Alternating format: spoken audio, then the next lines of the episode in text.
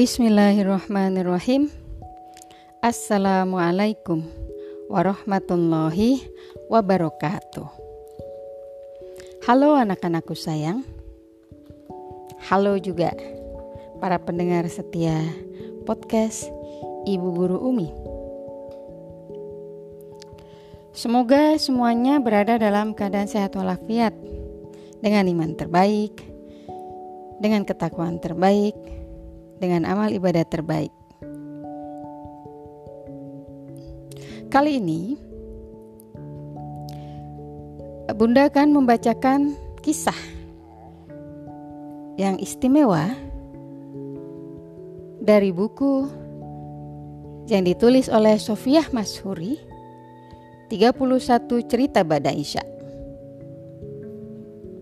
Ini buku ke-9 diterbitkan oleh PT Remaja Rosda Karya pada tahun 2000. Judulnya adalah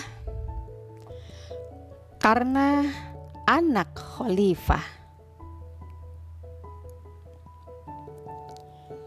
Menjadi anak khalifah ternyata tidak menguntungkan bagi Abdullah bin Umar ia adalah anak lelaki Umar bin Khattab, khalifah atau kepala negara yang sedang berkuasa. Bagi Abdullah bin Umar, menjadi anak khalifah malah tidak enak. Pada suatu hari, Khalifah Umar berkunjung ke rumah anak lelakinya itu. Kebetulan Abdullah sedang makan beberapa potong daging. Khalifah marah karenanya. Apa yang kau lakukan ini? Seru Khalifah Umar. Kau makan daging selagi rakyat dalam kesulitan? Apa karena kau anak khalifah? Kau boleh bermewah-mewahan. Makanlah roti dengan garam atau minyak samin. Abdullah tidak boleh makan daging karena ia anak khalifah. Padahal daging itu dibeli dengan uangnya sendiri. Ia seorang pedagang unta yang cukup berhasil. Pada hari yang lain, Khalifah Umar pergi ke pasar untuk melihat-lihat keadaan rakyatnya. Ia mendapatkan beberapa ekor unta yang gemuk, sedangkan beberapa ekor lainnya kurus. Unta yang gemuk ini milik siapa?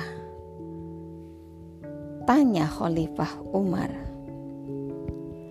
Abdullah bin Umar.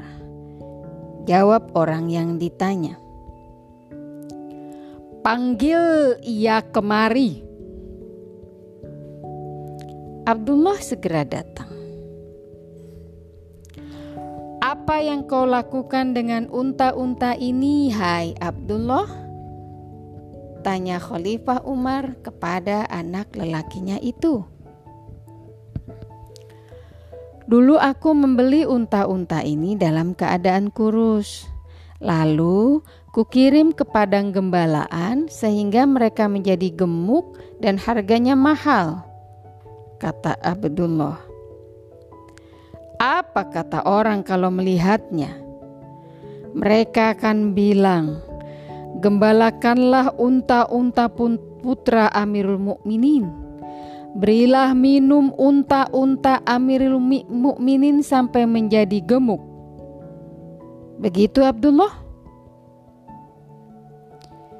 Ya Amirul Mukminin, cara berdagang seperti itu halal hukumnya. Tidak menyalahi hukum. Bantah Abdullah. Karena kau putra Amirul Mukminin, kau dilarang melakukannya orang akan mengistimewakan unta-untamu di padang gembalaan. Unta-untamu akan dirawat lebih baik daripada unta orang lain karena kau putra Amirul Mukminin. Hai Abdullah bin Umar, anakku, ambillah modalmu untuk membeli unta-unta ini. Serahkan keuntungan yang kau peroleh dari unta-unta ini kepada Baitul Mal Baitul Mal adalah kas negara. Harta yang berada di Baitul Mal menjadi milik negara. Abdullah harus menyerahkan keuntungan penjualan unta itu untuk kas negara. Menjadi anak khalifah memang tidak enak bagi Abdullah. Begitu kisahnya, anak-anakku sayang. Luar biasa. Bagaimana seorang khalifah Amirul Mukminin berusaha menjaga anak-anaknya dari sesuatu yang mengundang atau mendekati hal-hal yang menyulitkan. Tidak ada keistimewaan bagi seorang anak kepala negara, dan jangan sampai terbuka peluang bagi Abdullah bin Umar untuk mendapatkan keistimewaan dari yang lain. Dia sama seperti anak-anak yang lain. Tidak boleh kemudian memakai fasilitas yang dimiliki oleh ayahnya sebagai seorang kepala negara untuk keuntungan dirinya. Ini adalah sikap warok yang demikian mulia. Jadi nggak ada sikap mentang-mentang sebagai anak kepala negara, kemudian dia bisa melakukan apa saja. Yang dicontohkan oleh Khalifah Umar bin Khattab adalah kehati-hatian. Jangan sampai kekuasaan yang dimilikinya kemudian dimanfaatkan oleh anak-anaknya ataupun keluarganya. Walaupun sebetulnya itu wajar. Karena bagaimanapun kepala negara adalah sebuah jabatan yang besar. Tapi Umar bin Khattab tidak ingin. Abdullah bin Umar merasa istimewa atau mendapatkan keistimewaan. Luar biasa. Allah Subhanahu wa Ta'ala memberikan keimanan yang demikian kokoh kepada Umar bin Khattab, sehingga beliau radhiyallahu anhu memiliki sifat berhati-hati yang sangat tinggi. Semoga itu dicontoh oleh para pimpinan yang ada di negeri kita, supaya tidak lagi terjadi memanfaatkan kekuasaan, memanfaatkan fasilitas untuk keuntungan dirinya sendiri. Kita bertemu lagi dalam kisah berikutnya. Assalamualaikum warahmatullahi wabarakatuh.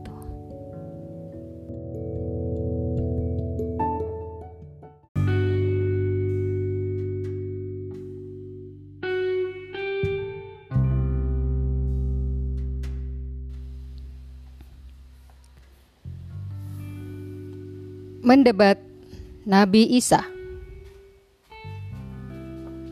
Assalamualaikum warahmatullahi wabarakatuh.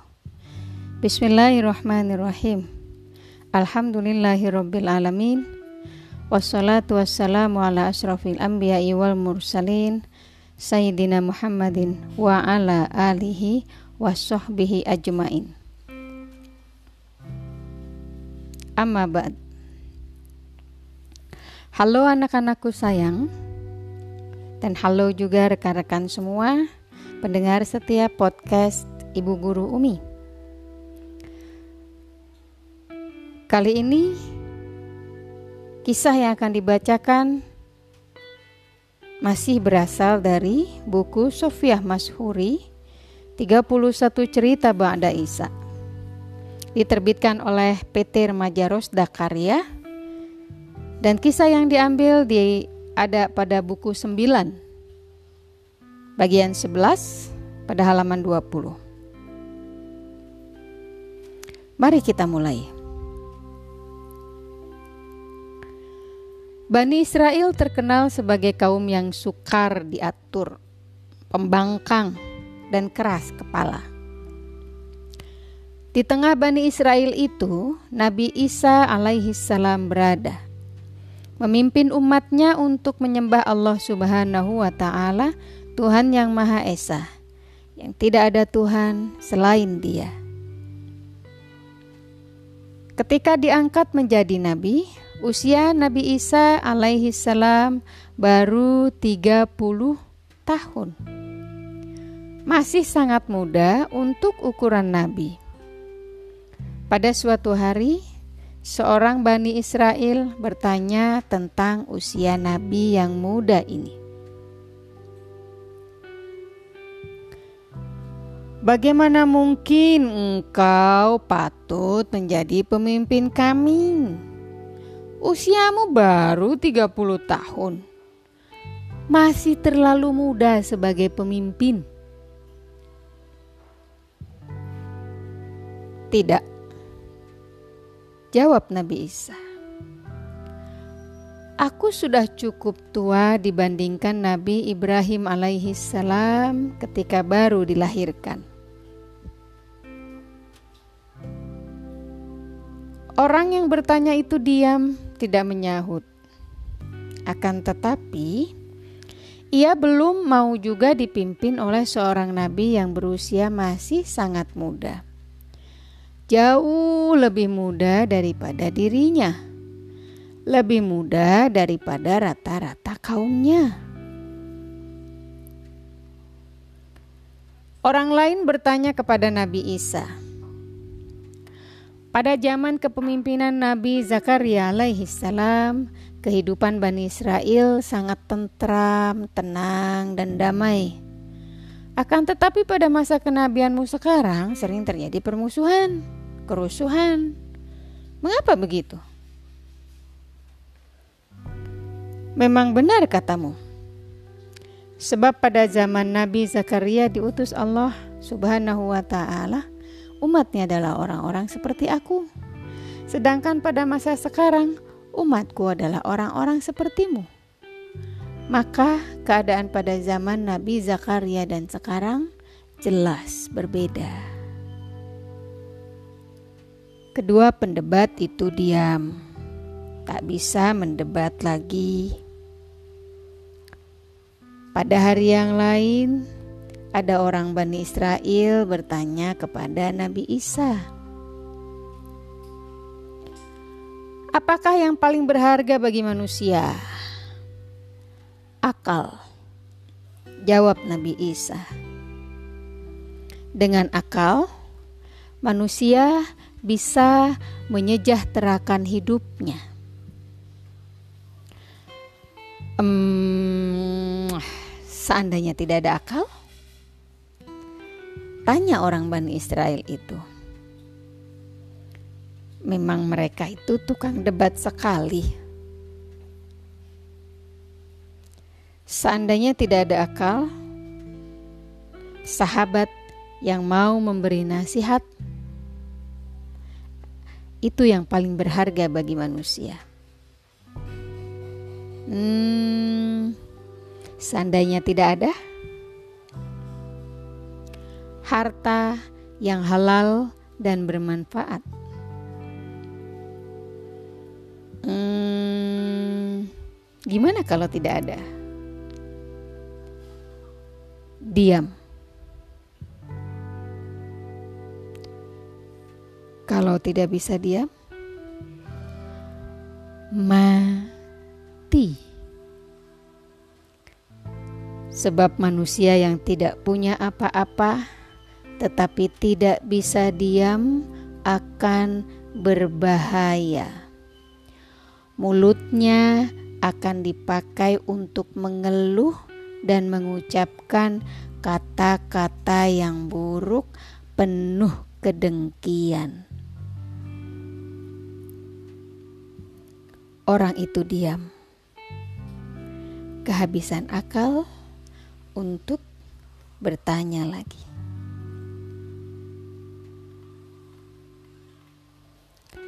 Kisah ini anak-anakku dan teman-temanku dan juga sahabat-sahabatku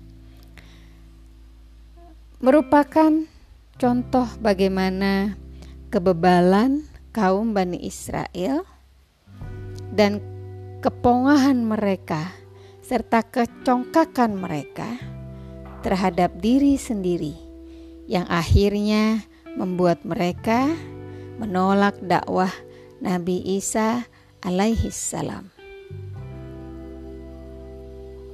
Mereka memang diberi banyak kelebihan. Salah satunya adalah pada akalnya. Tetapi ternyata akal itu sama sekali tidak dipakai untuk hal-hal yang membuat mereka selamat. Justru sebaliknya, akal itu menyeret mereka kepada kemungkaran dan kehinaan. Dalam tubuh manusia, ada tiga komponen yang masing-masing harus diberi asupan. Salah satu komponen tidak diberi asupan, maka kehidupannya akan rusak atau tidak seimbang. Yang pertama adalah sisi fisiknya. Dia membutuhkan makanan sebagai asupan. Makanan itu harus makanannya sehat, bersih, dan halal agar tubuhnya juga menjadi tubuh yang kuat dan bugar. Yang kedua, akalnya. Akal, asupan dan nutrisinya adalah ilmu. Allah Subhanahu wa taala sudah memberikan isyarat dari ayat pertama yang diturunkan kepada Rasulullah Shallallahu alaihi wasallam A'udzu billahi rajim. Iqra. Bismi rabbikal ladzi khalaq. Proses menuntut ilmu membutuhkan kegiatan membaca. Baik membaca yang sifatnya teks, ayat-ayat kauliyah maupun yang sifatnya non-teks, ayat-ayat kauniyah. Alam semesta harus dibaca dengan akal kita Kalau tidak demikian maka penciptaan langit dan bumi dan seluruh isinya oleh Allah Subhanahu wa taala tidak akan menambah keimanan di dalam hati kita. Yang ketiga, ruhnya atau jiwanya. Makanan yang penting bagi ruhnya adalah ibadah kepada Allah Subhanahu wa taala zikrullah. Dan ia juga membutuhkan berkaitan dengan kesehatan, kehalalan makanan yang dikonsumsi oleh sang tubuh. Karena makanan halal akan membuat hidup kita berkah. Sebaliknya, makanan yang haram akan menjatuhkan kita kepada kehinaan. Ketika ruh sakit, dia akan berdampak kepada fisik dan akalnya. Ada orang-orang yang fisiknya baik dan akalnya cerdas, tetapi dia tidak memiliki ruh yang baik. Maka dia akan melakukan pilihan-pilihan hidup yang kesasar ke sana kemari berbelok tak tentu arah, tidak bisa on the track pada jalan yang lurus. Maka teman-temanku sayang, apa yang dicontohkan oleh kaum Bani Israel dalam kisah ini menjadi bahan renungan bagi kita semua. Perhatikan secara seimbang asupan gizi, baik bagi fisik kita, bagi akal kita, apalagi bagi ruh atau jiwa. Allahumma arinal haqqo haqqo warzuqna tiba'ah wa arinal batila batila warzuqna tinabah. Selalulah memohon kepada Allah Subhanahu wa taala agar Allah tunjukkan kepada kita yang hak itu hak dan beri kekuatan kepada kita untuk menjalaninya. Dan Allah tunjukkan kepada kita yang batil itu batil dan semoga Allah Subhanahu wa taala memberi kekuatan kepada kita untuk menjauhinya. Perbaiki asupan gizi bagi fisik, perbaiki asupan gizi bagi akal dan bagi ruh dan jiwa kita. Tabarakallah. Assalamualaikum warahmatullahi wabarakatuh.